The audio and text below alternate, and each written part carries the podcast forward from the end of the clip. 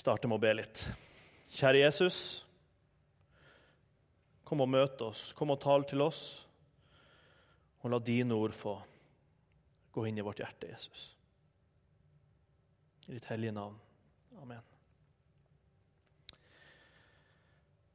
Kjære dåpsfølge, kjære foreldre, kjære faddere, kjære alle dere andre. Det er godt å få være her. Og det er godt å få lov til å legge alt i Guds hender. Jeg har lyst til å, å lese et par skriftsteder. Først fra Jesaja 55, vers 8 og 9. For mine tanker er ikke deres tanker, og deres veier er ikke mine veier, lyder ordet fra Herren. Som himmelen er høyere enn jorden, er mine veier høyere enn deres veier, og mine tanker høyere enn deres tanker. Og så fra Salme 37, 5. Legg din vei i Herrens hånd. Stol på ham, så griper han inn.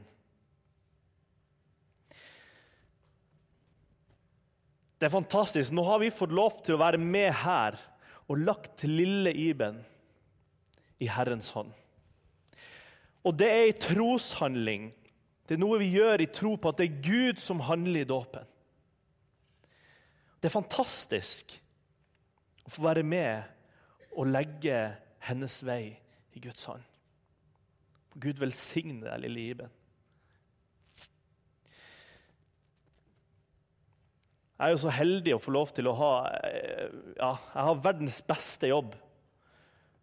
Og få lov til, jeg fikk lov til å være hjemme og ha dåpssamtale med, med, dem. og det var eh, for, ja, for en utrolig fin familie. Nydelige barn. Dere er velsigna. Virkelig. Når det gjelder å legge sin vei i Herrens hånd, så eh, kommer jeg på en salme som vi ofte synger i begravelser.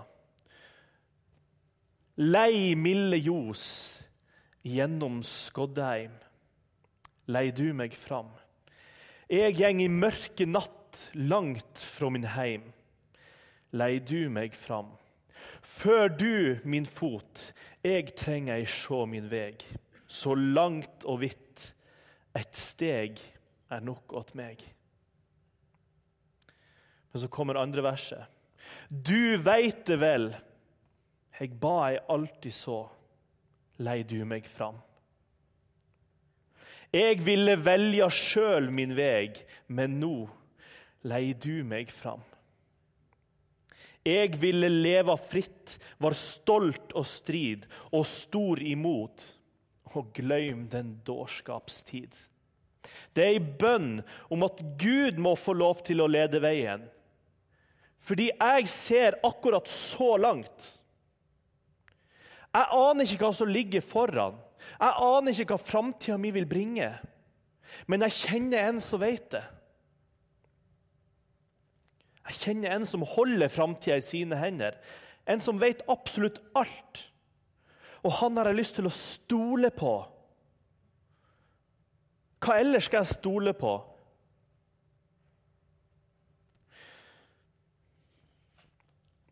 Jeg sto nok eh, litt bak i køa på en del ting når jeg ble skapt. Blant annet så eh, var det litt sånn at uh, Jeg ser det litt for meg. da, Når, jeg, skulle, når jeg, skulle, lages, da, så, så kommer jeg fram der Jeg ser for meg litt sånn samlebånd. Jeg vet det er et barnslig bilde. da. Og så, og så, kommer jeg fram der, og så sier han sånn Så ser jeg for meg Gud sier sånn Har vi mer hals? Nei, vi er helt tom for hals. Ser Gud meg sier han, ja, ja, vi setter hodet rett på skuldra. Det går bra, det. Det går helt fint.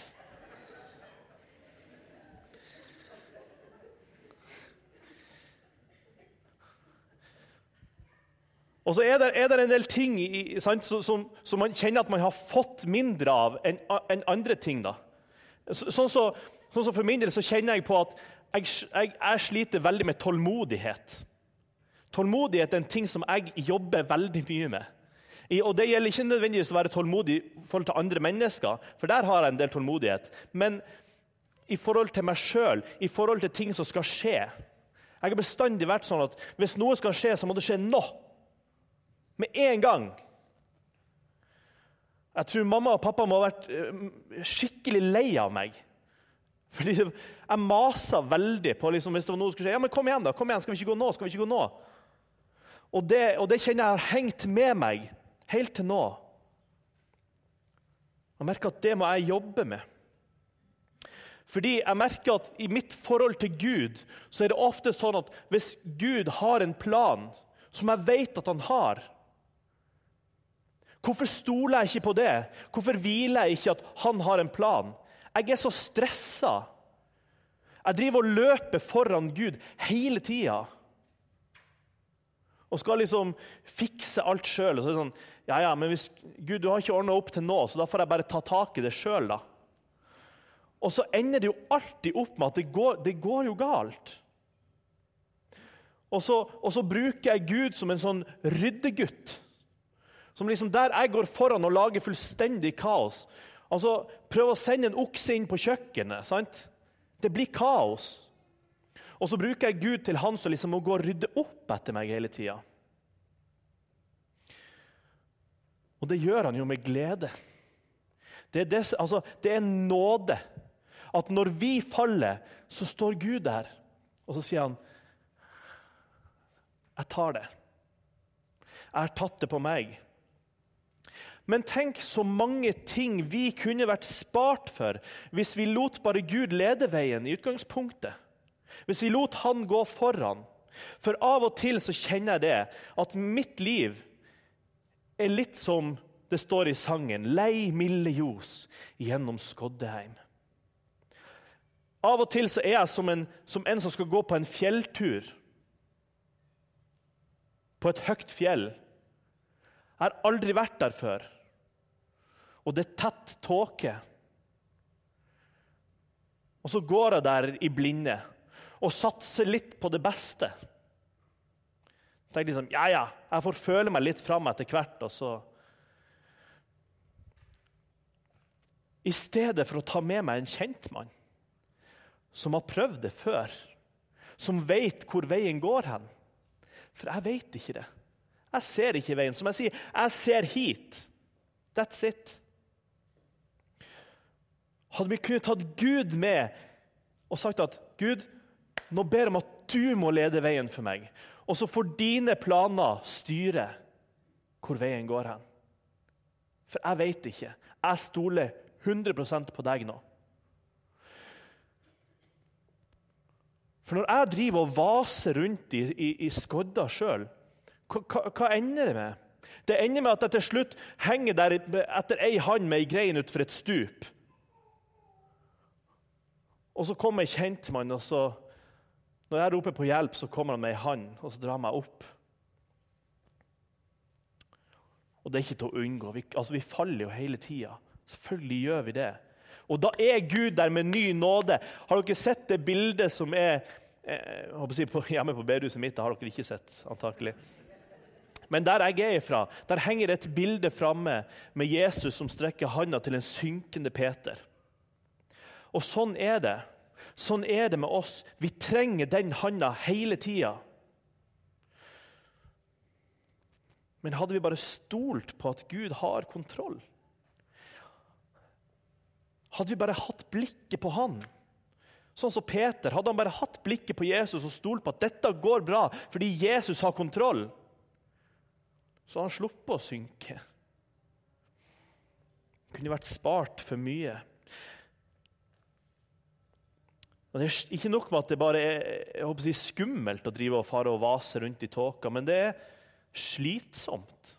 Og Kanskje du er der i livet at du kjenner at du er sliten av å drive og fare og springe fram og tilbake og prøve å løse ut ting sjøl. Hvorfor driver jeg og styrer og steller med alt mulig når han har sagt at han skal stride for meg? Jeg skal være stille. Han har sagt han vil gå foran. Han har sagt han vil ikke slippe meg og ikke forlate meg. Og Likevel så driver jeg og styrer. Han sier 'vær ikke bekymra for morgendagen'. Men hva gjør jeg da?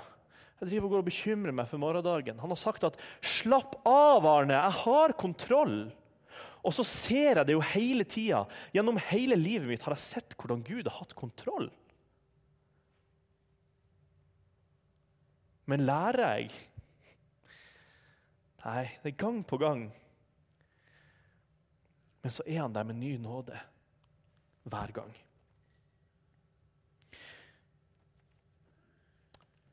Hvis det er noen ting som jeg har veldig lyst til, og som jeg ber om Av og til er det sånn at det er enkelte ting som man, man tenker å, det, å, dette vil jeg så gjerne. Så ber man til Gud. Og Jeg vet ikke om det er sånn med dere, men for meg har det i hvert fall vært sånn at jeg har, hvis jeg har veldig lyst til noe, så bruker jeg å utelate jeg la din vilje skje-biten. Fordi at da, da, overlater jeg på en måte ikke så mye av ansvaret til Gud. Skjønner du? Altså, ok, jeg, jeg, lar det ikke være rom for at ok, kanskje Gud har andre tanker enn meg. Kanskje ikke dette er Guds plan for meg. Det er det vanskeligste vi gjør som kristne når vi ber. Det er å be om at Guds vilje må skje. Fordi våre tanker, eller vår vilje, det er ikke alltid det samsvar med Guds tanke og Guds gode vilje for vårt liv. Og Derfor er det så vanskelig, fordi vi er redd for at kanskje ikke dette er Guds vilje, men jeg har så lyst. For, for, for noen år tilbake så var jeg så gruelig forelska i ei jente. Og, jeg ba veldig om at, at, vi måtte bli sammen. Og da, og da, tenkte jeg sånn Jeg trenger vel ikke å be om Guds vilje. Nei, det går bra, det. Og så fikk jeg jo selvfølgelig hjertet mitt knust. da. Precis som alltid. Nei, jeg tuller. Men, men men så, så, endte det opp med, med, at jeg fikk hjertet mitt knust. Og så ser jeg i ettertid at det var ikke Guds plan for mitt liv. Det var ikke Guds tanke. Det var mine, mine egne ønsker mine egne tanker. Men du skal få lov til å legge din vei i Herrens hånd. Så skal Han gripe inn, og Han skal gjøre det. Og så bruker jeg å si det at det er en digresjon, da. Men jeg bruker å si at det å være singel er ikke en diagnose. Bare sånn at Det kan jeg bare si sånn med en gang. Det er ikke en diagnose å være singel. Det er ikke sånn at det, det, er ikke en sykdom. Det er så mange som er sånn ja, Nå er du 26 år. Ja, du skal ikke gifte deg og få barn. Og... Jo, kan godt hende det, altså. Men det er ikke en diagnose å være singel. Skjønner du? For noen er det et valg. Og, og, for min del så er det sånn at jeg, jeg, skal, jeg, skal, ikke være sammen med noen bare for å være sammen med noen. Det må være Guds vilje for livet mitt. Hvis ikke Gud får sin vei, hvis ikke Gud viser meg ok, denne, denne skal du være med, så får jeg være alene, da. Men det er ikke en diagnose. Jeg stoler på at Gud har kontroll på det. Gidder ikke jeg å stresse med det.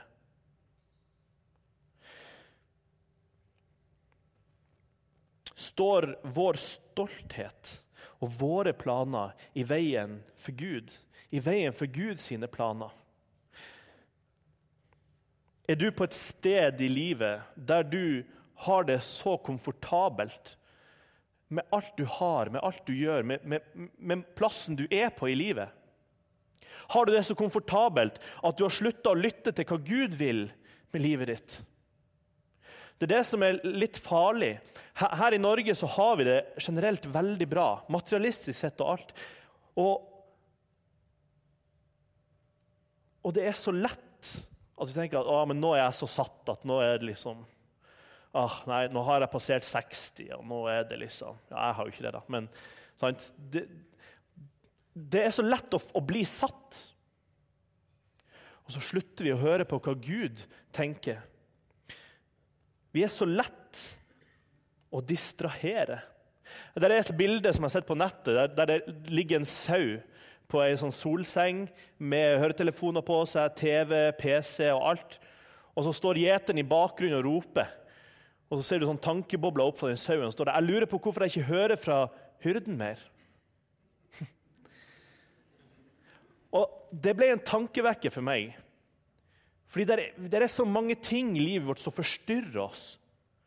Så når Gud kaller, er vi villige til å gjøre noe? Er vi villige til å gå?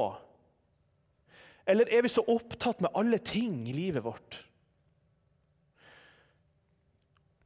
Hva om Gud kalte deg til noe nå? Hva om Gud sa til deg og Nå spiller det ingen rolle hvordan alder du er i. Hvis Gud sier til deg nå du skal reise til Afrika hvis Gud, hvis Gud kalte deg til å reise til Afrika Tenk over det. Hadde du vært villig til det? Hvis Gud, for å ta et litt nærmere eksempel Hvis Gud kaller deg til å gå til naboen din, hvis Gud minner deg om at du skal gå til naboen din og spørre hvordan vedkommende har det med Gud Er du villig til å gå, eller er du så komfortabel og så satt at du tenker nei, nei, det får noen andre gjøre? Det får noen som er mer karismatiske enn meg, ta seg av. Vi må, vi må ikke slutte å lytte til Gud sjøl om livet ditt er komfortabelt. Vet du, Komfort Komfort er det skumleste som er for en kristen i dagens samfunn, tenker jeg.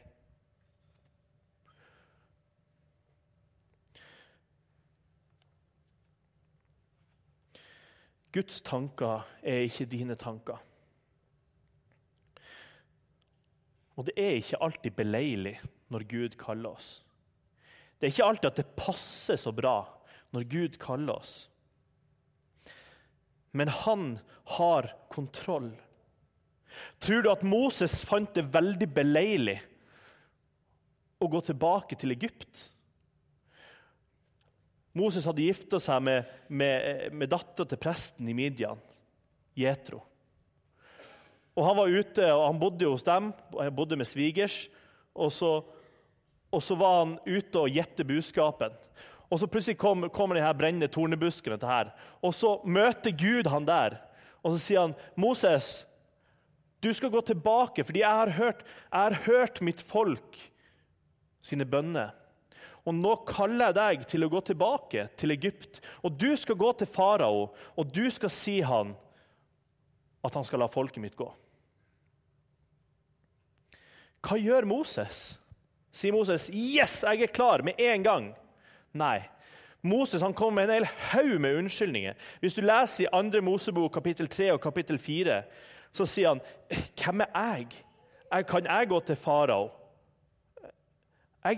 Og så sier han jeg, Hva om de ikke tror meg, da? Så sier Gud ja, men jeg skal være med deg. Det er jo jeg som skal gjøre det. Så sier han ja, men, ja, men Gud, hva om de ikke tror etter det, da? Men se da, Og så prøver han å vise han til og med konkrete ting. Så sier han ta staven i hånda, kast den på bakken. Så ble den til en slange. Og så sier Moses ja, men, ja, men er, og Når han da har fått alle bevisene han trenger for det, så sier han ja, men Gud, jeg er jo ikke noe taler. Moses har en hel haug med unnskyldninger. Og vet du hva? Jeg kjenner meg så igjen. Når Gud kaller, så har jeg så ofte unnskyldninger. Det var ikke beleilig, men Gud hadde bruk for Moses. Gud hadde bruk for at han gikk tilbake dit. Og kanskje Gud kaller deg tilbake til Egypt. Kanskje Gud trenger deg til å gjøre noe.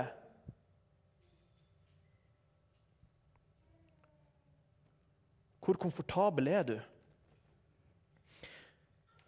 Gud skriver sin historie. Det har han gjort lenge. Og jeg ber om at Gud må skrive sin historie med mitt liv. At jeg kan få være en del, at jeg kan få være en del av Guds plan. At jeg kan få leve i Guds plan, uavhengig av hva det måtte være. Og så sier du, 'Hvorfor går jeg gjennom dette?' Og så sier Gud, 'Slapp av. Jeg går foran deg. Jeg har kontroll. Når jeg lå på Haukeland og kjempa for livet, så, så, Så kom knyttneven min. Og sa Gud, hvorfor? Her har jeg reist rundt, jeg har forkynt evangeliet. Jeg, jeg var fem år gammel jeg begynte å synge om deg. Og så, og så får jeg dette. Skjønner du? Så sier Gud, slapp av. Slapp av. Og så opplevde jeg at folk rundt meg som ikke er frelst, folk i min familie, begynte å få møte Jesus gjennom min sykdom. Og da er det spennende å være kristen, du. Fordi da måtte jeg legge ned mitt eget og så sa jeg Gud, hvis dette er frukten av det som skjer her nå, så la meg ligge her. Da vil jeg være her.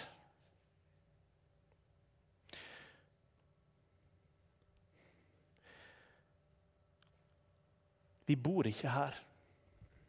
Dette er ikke vårt hjem. Det her er bare det her er en forgård, det her er, er, det her er en treningsleir. Det er her du lærer deg å vandre i tro og ikke med synet. Men en dag skal vi få se En dag skal vi få se hva vi har trodd her, hva vi har stolt på her.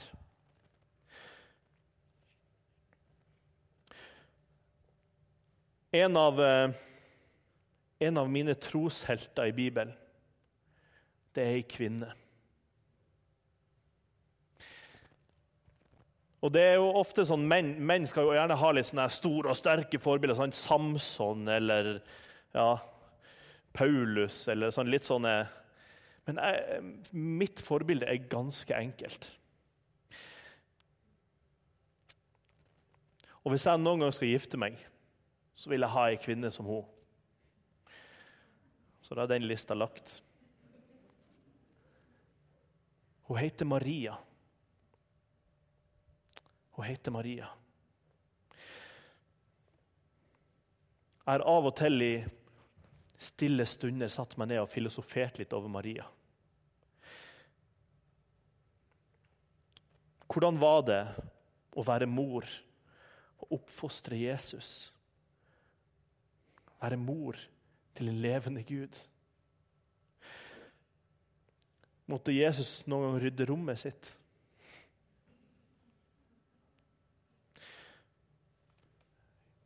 Det er mange ting jeg har lyst til å snakke med Maria om. Jeg har lyst til å vite hvem lekte Jesus med som liten. Hvem var, hvem var det han så opp til?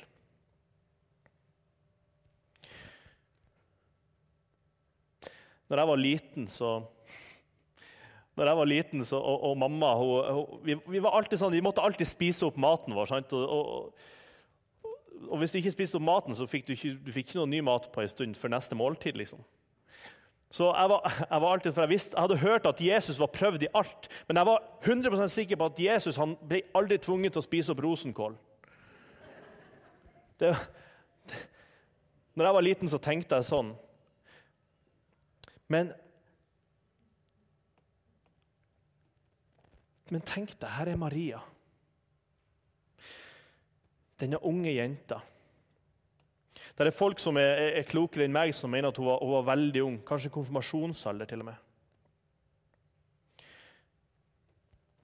Så sitter hun en dag hjemme, og så får hun besøk av en engel. Og ikke hvordan som helst engel, engelen Gabriel. Og her står at han ble sendt eh, til en by i Nasaret, til en jomfru som var lovet bort til Josef en mann av Davids ett. Jomfruens navn var Maria. Engelen kom inn til henne og sa, 'Vær hilset, du som har fått nåde, nåde. Herren er med deg.' Hun ble forskrekket over engelens ord og undret seg over hva denne hilsenen skulle bety. Men engelen sa til henne, 'Frykt ikke, Maria.' For du har funnet nåde hos Gud. Hør, du skal bli med barn og føde en sønn, og du skal gi ham navnet Jesus. Han skal være stor og kalles den høyeste sønn. Og Herren Gud skal gi ham hans far Davids trone. Han skal være konge over Jakobs hus til evig tid. Det skal ikke være ende på hans kongedømme. Maria sa til engelen, 'Hvordan skal dette kunne skje når jeg ikke har vært sammen med noen mann?' Engelen svarte, 'Den hellige ånd skal komme over deg, og den høyestes kraft skal overskygge deg.' 'Derfor skal barnet som blir født, være hellig og kalles Guds sønn.' Og hør, din slektning Elisabeth venter en sønn, hun også, på sine gamle dager. Hun som de sa ikke kunne få barn, er allerede i sjette måned, for ingenting er umulig for Gud. Da sa Maria, Se, jeg er Herrens tjenerinne. La det skje med meg som du har sagt. Så forlot engelen henne. Tror du det var komfortabelt? Her sitter ei ung jente som er forlova, og så plutselig så skal hun bli mor som jomfru. Kan du tenke deg alle de tankene som må ha streifa gjennom hodet til Maria? Hva kommer folk til å si? Hva kommer mamma og pappa til å si? Hva kommer Josef til å si? Stiller hun noen spørsmål annet enn at ja, men hvordan skal dette gå til? Hun sier ikke sånn Hun sier ikke Ja, men, eh, men hvordan, Hvis Josef, da? Ja, men, men, mamma, da? Ja, men hvordan skal vi få dette til? Hvordan, du må løse det på noen, noen måte. Nei, hun, hennes vitnesbyrd er ganske enkelt. Hun sier, 'Jeg er Herrens tjenerinne. La det skje med meg som du har sagt.' La Guds vilje skje, samme hvor ukomfortabelt det er for meg det er et forbilde. Det er et forbilde.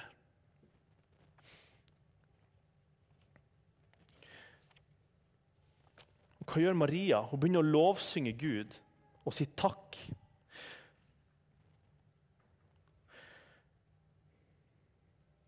Maria står faktisk for det fineste vitnesbyrdet i hele Bibelen, spør du meg. Og hennes, det vitnesbyrdet er hennes taushet ved korset.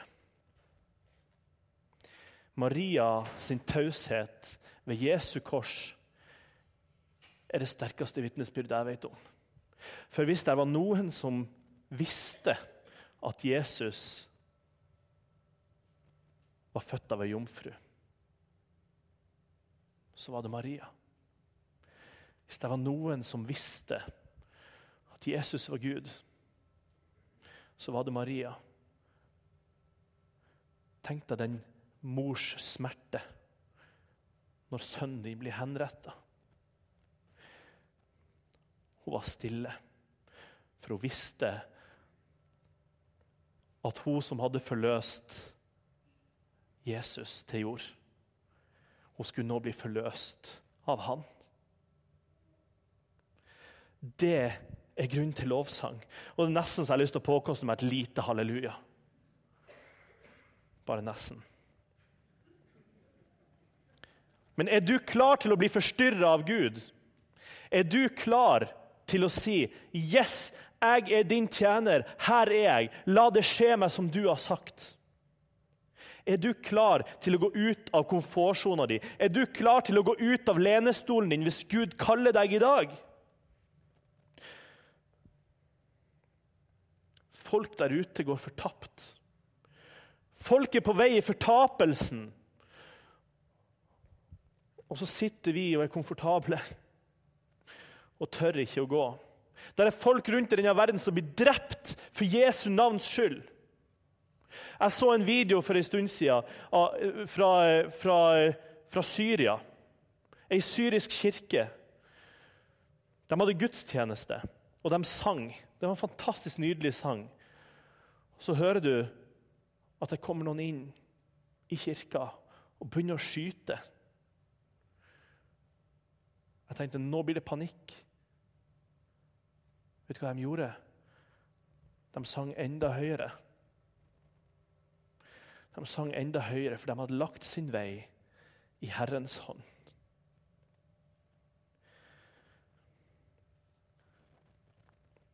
Vi må be om at Guds vilje må skje i livene våre alle sammen. Og Det spiller ikke noen rolle om du har passert 80 år. Gud har bruk for deg. Vi må be om det. Jeg har lyst til å synge en sang før jeg går ned.